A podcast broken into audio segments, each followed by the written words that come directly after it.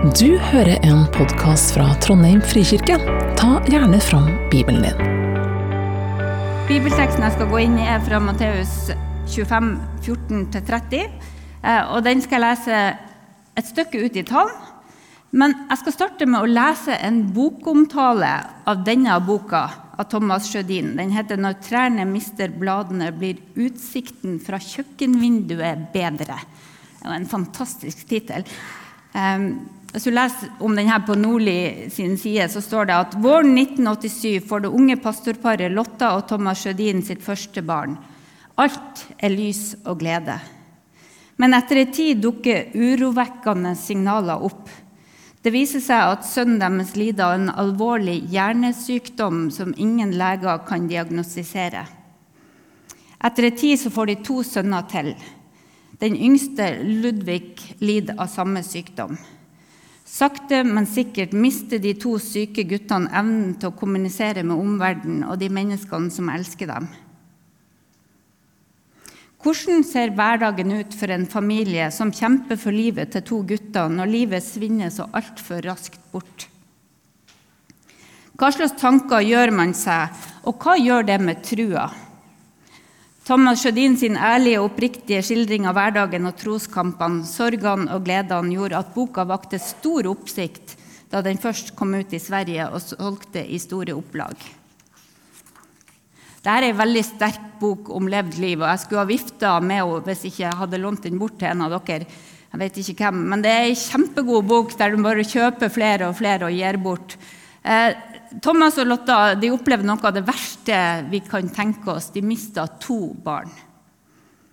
Men gjennom disse bøkene så har Thomas Sjødin åpna samtalen om hvordan vi forholder oss til smerte og sorg, og til Gud midt oppi det. Og jeg tror det er viktig arbeid å snakke om det. Sånne bøker som dette har betydd enormt mye for meg gjennom mine kriser i livet. For når det føles som om livet raser sammen, så er det godt å lese ei bok fra noen som har overlevd, og som fortsatt tror på Gud. Skal jeg anbefale ei bok til, og det er denne boka. Eh, 'Crazy Holy Grace' av Fredrik Bikner. Eh, han er teolog og forfatter og en mann som vet mye om smerte. Eh, og Det meste av det jeg skal dele med dere, er fra ett kapittel i denne boka. Jeg leste den i høst, jeg har tenkt på den og jeg har snakka om den så mye at nå må jeg bare dele det med dere. Fredrik Bikner han starter med å si det selvfølgelige, nemlig at smerte er universelt. Alle opplever smerte, noen mer og noen mindre. Men alle som lever, skal dø. Og det betyr at vi mister alt vi har, og alle vi elsker, til slutt. Høres det ut som en deprimerende tale så langt? Hold ut litt til. Jesus han sto og så utover en stor folkemengde med mange forskjellige folk i alle aldre, og så sa han, 'Kom til meg, alle dere som strever og bærer tunge byrder, og jeg vil gi dere hvile. Matteus 11, 28 står det i. Da Jesus sa det, så sa han kanskje noe viktig om livet. For uansett hvem du er, uansett hvor heldig eller uheldig du er, uansett hvor rik eller fattig du er, hvor ung eller gammel du er, sånn eller sånn, så er det å streve og bære tunge byrder en del av det å være menneske i vår verden. Kom til meg, alle dere som strever og bærer tunge byrder, og jeg vil gi dere hvile, sier Jesus. Og vi vet jo godt hva smerte er. Vi lever med smerte i større eller mindre grad, alle sammen. Og så har vi forskjellige måter å håndtere det på. Og det finnes jo veldig mange måter. Men jeg skal ta fire eksempler som jeg kjente meg igjen i. Og så har du sikkert dine mestringsmekanismer, men jeg skal ta de her fire. Den første er å takle smerte ved å glemme eller å fortrenge. Altså å fortsette som om ingenting har skjedd i det hele tatt. Kanskje du kjenner noen som gjør det? Eh, som ikke vil, eller som ikke klarer å snakke om vanskelige ting. For hvis de ikke snakker om det, så er det liksom ikke så virkelig. Ordene gjør ofte at ting blir veldig nært og veldig virkelig, så hvis vi ikke snakker om det, så kan vi kanskje klare å håndtere det. Og Dette er en fin måte å håndtere vanskelige ting Det kan være ganske effektiv. Eh, jeg kjenner en del folk som har opplevd fryktelige ting, og de snakker aldri om det. Og det ser ut som det går ganske bra med dem. Fredrik Bichner forteller om mora si som bl.a. opplevde at mannen tok livet av seg. Altså pappaen til Fredrik Bichner tok livet av seg. Og etter det så hadde hun to eh, ekteskap som eh, endte i skilsmisse. Hun snakka veldig sjelden om det hun hadde gjennomlevd. Og hun så ut til å klare seg bra, men sønnen sier at eh, jeg tror prisen man betaler for å takle smerte ved å glemme den og skyve den unna, ved å ikke se på smerten, er at en del av deg ikke vokser. Så forteller han at mora hun vokste ikke i medfølelse. Siden hun fortrengte smerten, så åpna hun seg aldri for andre sin smerte. Hun utvikla ikke empati. Hun fikk aldri nære venner som hun var villig til å ofre noe for. Hun forblei overfladisk. Det er en måte å takle smerte på. Prøv å glemme det. Fortsett livet som om ingenting har skjedd. Det kan gå bra, og så kan det få noen konsekvenser. Neste eksempel er å takle smerte med å bli værende i den uten å komme videre. Smerte kan bli et fengsel, og noen ganger så blir det også et selvvalgt fengsel. Der vi opplever smerten på nytt og på nytt og på nytt, og så blir den alt. Og så kan bitterhet slå rot.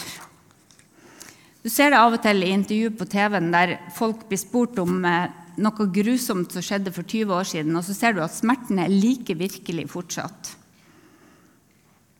Det er vondt å se. Det er få mennesker som jeg syns synd på, de som, som blir værende i smerten uten å kunne komme seg videre. Mange klarer det ikke, men det kan òg bli unnskyldning for å ikke leve.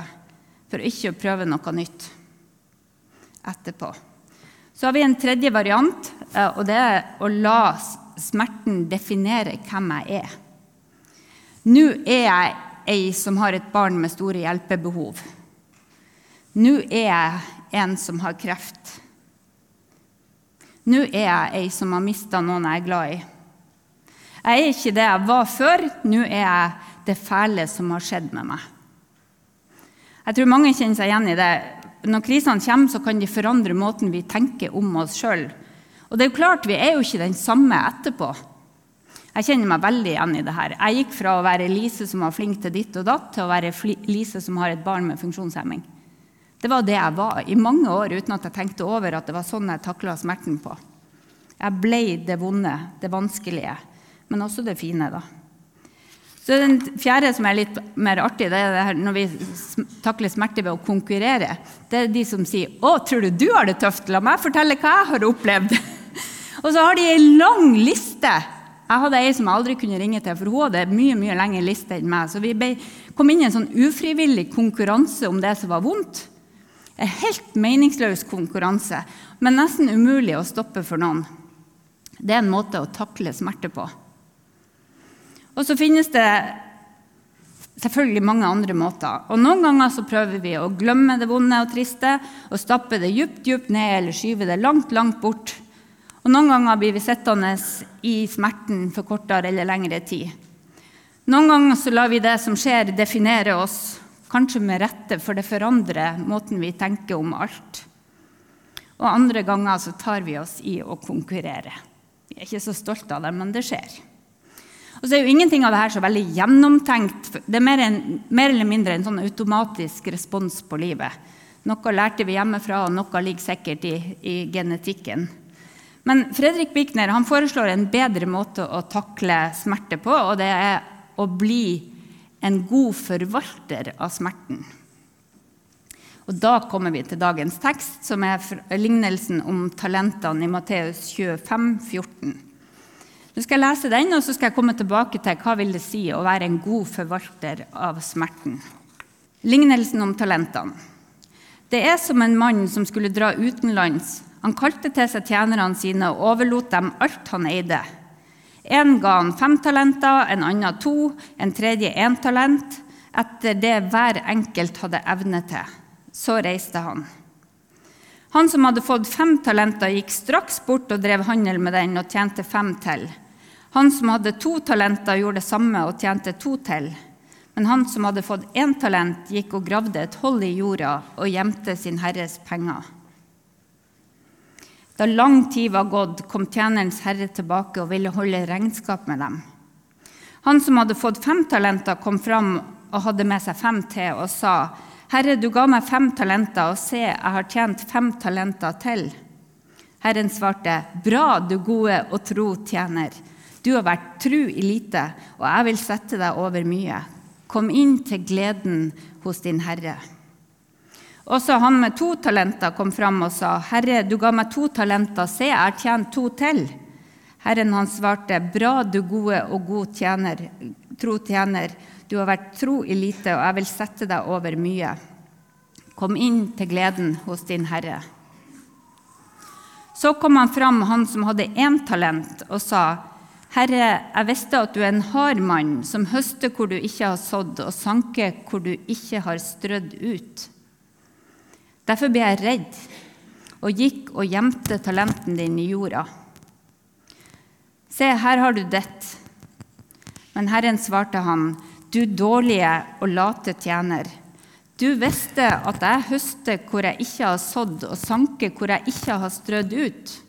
Da burde du overlatt pengene mine til den som driver med utlån, sånn at jeg kunne få dem igjen med rente når jeg kom tilbake. Ta derfor talenten fra han og gi den til han som har de ti talentene. For den som har, skal få, og det i overflod. Men den som ikke har, skal bli fratatt selv det han har. Og kast den unyttige tjeneren ut i mørket utafor, der de gråter og skjærer tenner.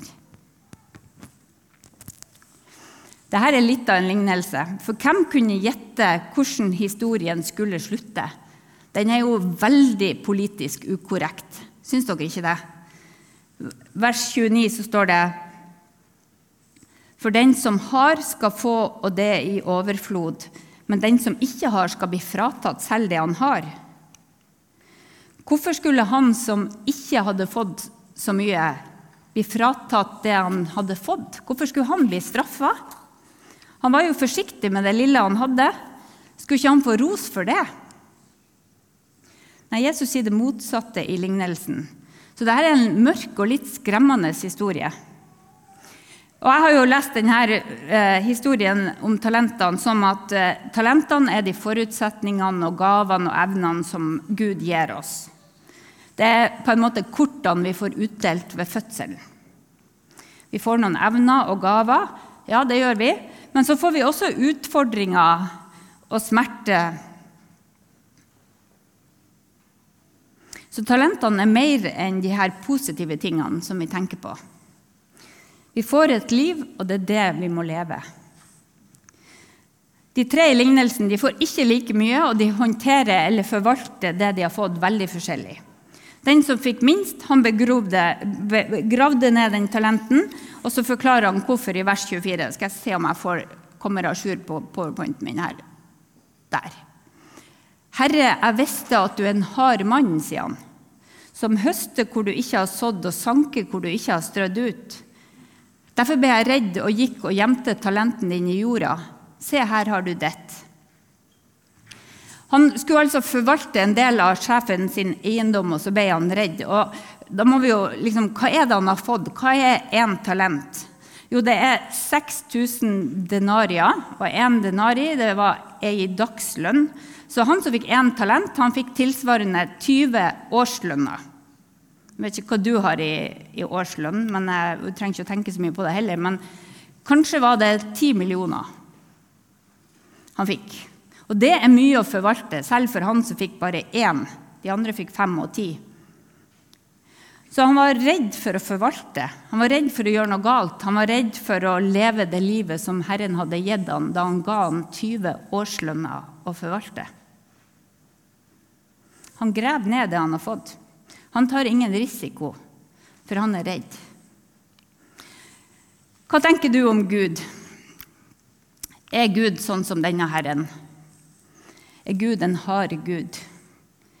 Er Gud en som sår ut smerte og utfordringer? en som kontrollerer tilværelsen og bestemmer at du skal få kreft og du skal oppleve krig? Er Gud en som forårsaker smerte i livet ditt?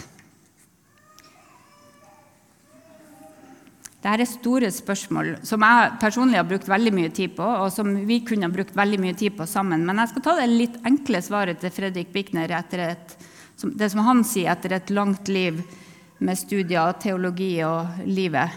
Så sier han nei, Gud er ikke sånn. Han flytter oss ikke rundt som sjakkbrikker. Han sår ikke smerte. Men han forventer at vi vil høste noe ut av det som verden med all sin galskap gjør med oss. Jeg syns det er godt sagt. Gud forventer at vi vil høste noe ut av det som verden med all sin galskap gjør med oss. Tjeneren som fikk én talent, sa, 'Du høster hvor du ikke sår', og du sanker hvor du ikke har strødd ut'. Han hadde rett, for Gud sår ikke lidelse, han forårsaker ikke lidelse. Men han forventer at vi skal høste noe også av lidelsen. Tjeneren som fikk én talent og gravde den ned, han fikk ei overhøvling. Du dårlige og late tjener. Han har ikke brukt det han fikk. Han har ikke gjort noe ut av det han ble betrudd. Han satsa ingenting. Han levde ikke det livet han kunne ha levd. Og Så kommer de her versene som jeg alltid har tolka som straffa for å grave ned talenten. I vers 28 så står det Ta derfor talenten fra han og gi den til han som har de ti talentene. For den som har, skal få, og det i overflod. Men den som ikke har, skal bli fratatt selv det han har. Hvis dette er straff, så virker det veldig urettferdig. Og det her Fredrik Bikner kommer med interessant tolkning. Han sier at kanskje Jesus ikke snakker om straff her, men om en konsekvens av valget tjeneren gjør. For husk at Det er Jesus som forteller denne historien, og han sier ta derfor talenten fra han og gi den til han som har de ti. For den som har, skal få, og det i overflod. Det høres urettferdig ut, sant? At den som har fått mye, skal få enda mer. Kanskje er det ikke så urimelig hvis vi tenker på det som konsekvens og ikke som straff. Tenk om Jesus gir oss visdom her, og så sier han at konsekvensen av å begrave livet ditt er at du mister det du har. Konsekvensen av å begrave livet ditt er at du mister det du har. Det blir på en måte tatt ifra oss. Ja, det er nesten uunngåelig. Når vi graver ned det vi har fått, så blir livet ensomt og mørkt. Og Det gjelder både evner og gaver som vi graver ned og slutter å bruke, men det gjelder også smerten og utfordringene som vi fikk. Fredrik Bikner bruker mora si som eksempel igjen. Han sier at hun gravde ned så mye sorg gjennom livet sitt at, hun, at livet sakte ble mindre og mindre. Hun vokste ikke sånn som hun kunne ha gjort. Hun ble ikke det mennesket hun kunne ha blitt. Hun nådde ikke potensialet hun hadde i seg. Hun ble ikke den omsorgsfulle og utadvendte personen som hadde gode venner. Nei, livet hennes skrumpa inn. Snakk om livet som en lignelse, sier han. Og så forteller han at, eh, at mora, når hun ble litt mer voksen, så etter alle de her tingene hun hadde opplevd, så slutta hun å gå ut. Hun tok eh, nummeret sitt ut av telefonkatalogen. For dere som ikke vet hva det er, så er det ei bok vi hadde før med alle telefonnumrene. Hun fjerna det fra 1881. Eh, hun slutta å ta kontakt med folk. Og da hun ble eldre, så, hun, slutt, så slutta hun å gå ut. Hun ble værende i leiligheta si. Eh, først var hun både på soverommet og i stua. og Så begynte hun å være bare på soverommet. Først satt hun bare i godstolen, og etter hvert så var hun bare i senga. Eh, det var en gradvis prosess, men livet hennes krympa inn. Det ble mindre og mindre. Som det sto i lignelsen, men den som ikke har, skal bli fratatt selv det han har. Det er konsekvensen av å grave ned det vi har fått, og slutte å leve det livet vi har fått. De to andre tjenerne de investerte og handla med talentene sine. De fikk igjen med renta. Ja, de fikk dobbelt opp. Og Herren kaller dem for trof, gode og trufaste tjenere. De gravde det ikke ned, men de handla med det. Hva betyr det å handle, da? Jo, handle betyr å gi det du har, i bytte med noe du trenger. Du gir det du har, i bytte med noe du trenger. Så du gir av deg sjøl, og så får du tilbake noe annet fra den andre.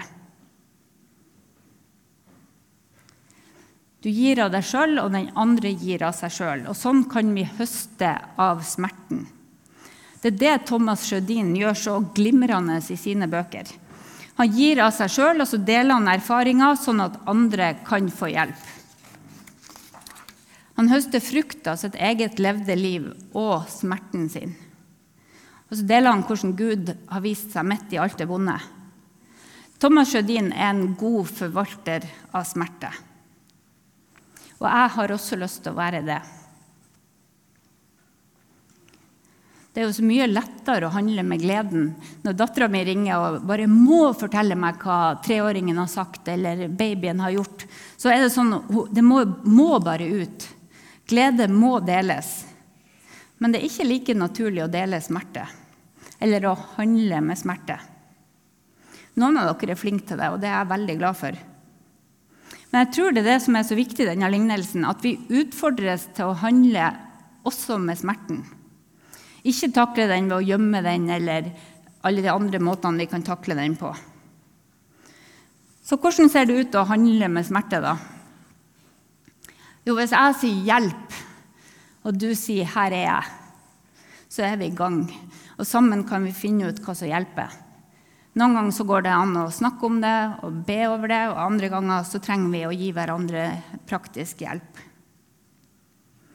Så vet jeg ikke om du har hørt det her Gud gir oss ikke mer enn vi kan bære. Det er bare tull.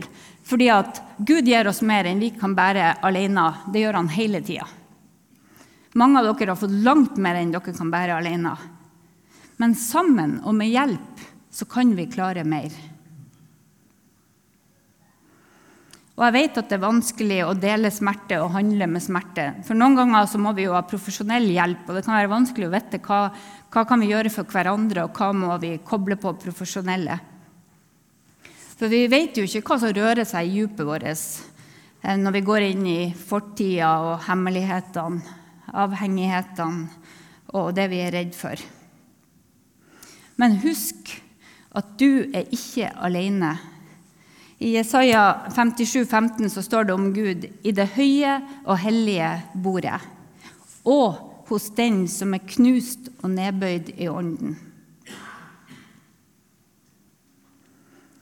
Hvis dere leser andre oversettelser, så knust og nedbøyd Tenk dere den verste depresjonen, de tyngste dagene.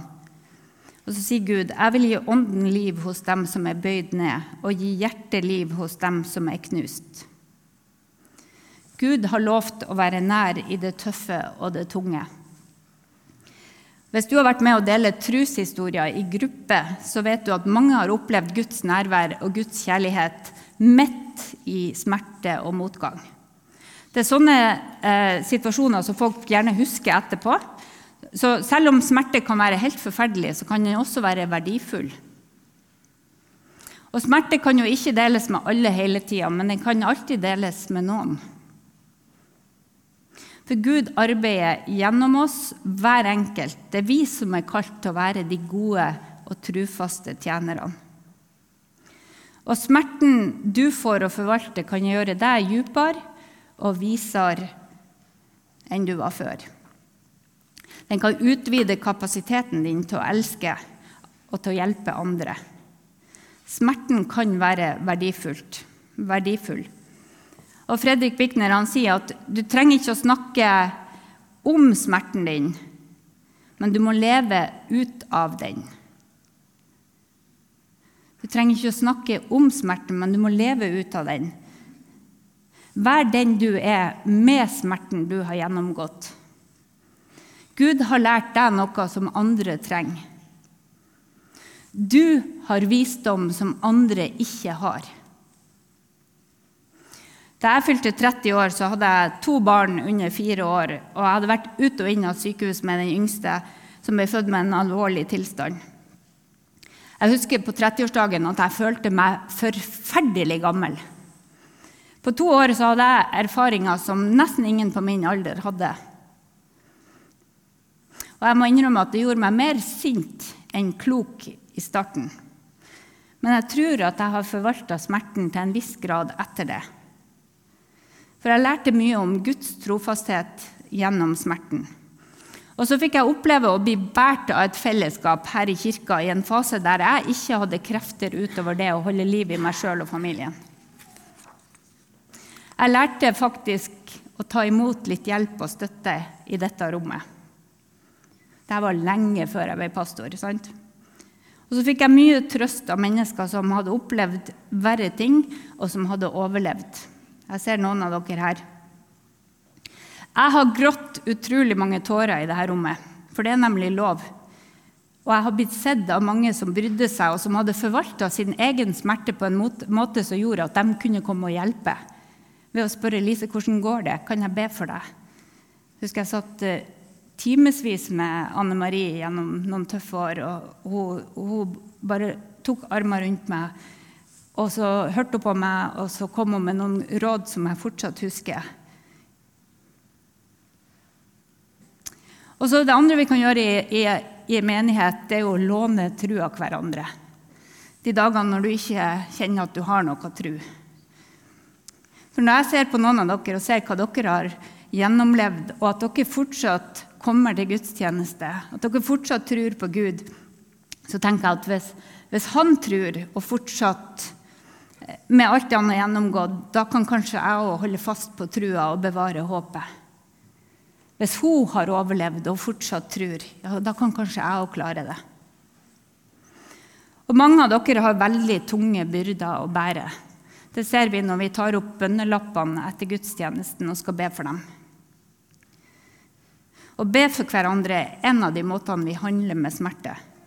Vi deler, og så ber vi vår himmelske Far eh, gi oss det som vi trenger. Ikke grav ned smerten din. Ikke prøv å fortrenge den, men del den. Forvalt den. Ta noen sjanser, for du har visdom andre ikke har. Og Vi skal gå tilbake til lignelsen for ett siste poeng. De to tjenerne som fikk skryt av sin herre, de fikk høre det her. Bra, du gode og tro tjener. Du har vært tru i lite, og jeg vil sette deg over mye. Kom inn til gleden hos din herre. Og Fredrik Bikner han sier at kanskje gleden ikke var en belønning, men en konsekvens av at de våga å leve. De våga å handle med det de fikk, å forvalte, også med smerten. Og gjennom smerten kommer de inn i gleden. Så gleden er en konsekvens av det trufaste livet de levde. Gjennom smerten kommer de inn i gleden. Og Påsken er jo det ultimate eksempelet. Sant? Jesus går gjennom verst, den verst tenkelige smerten når han dør på korset. Så gjør han det av kjærlighet til oss og lydighet til sin far. Og Så står han opp igjen og så gir han oss et løfte om evig liv. Vi får håp som kan deles med andre. Veien til glede går gjennom smerte. Vi er ikke lova et lett liv eller et langt liv. Vi må leve det livet vi får. Vi må forvalte det vi får. Og så får vi lov til å gjøre det sammen med Jesus. Ved Den hellige ånds kraft. Vi kan invitere Han inn. For smerten får ikke siste ordet for den som tror på Jesus. Døden vinner ikke. Grava er tom. Jesus sto opp igjen. Og så lever han, og vi kan alltid komme til han med alle ting. Kom til meg, alle dere som strever og bærer tunge byrder, og jeg vil gi dere hvile, sier Jesus. Han vet hva du strever med, og han har vært der hele veien. Kan dere reise dere, alle sammen?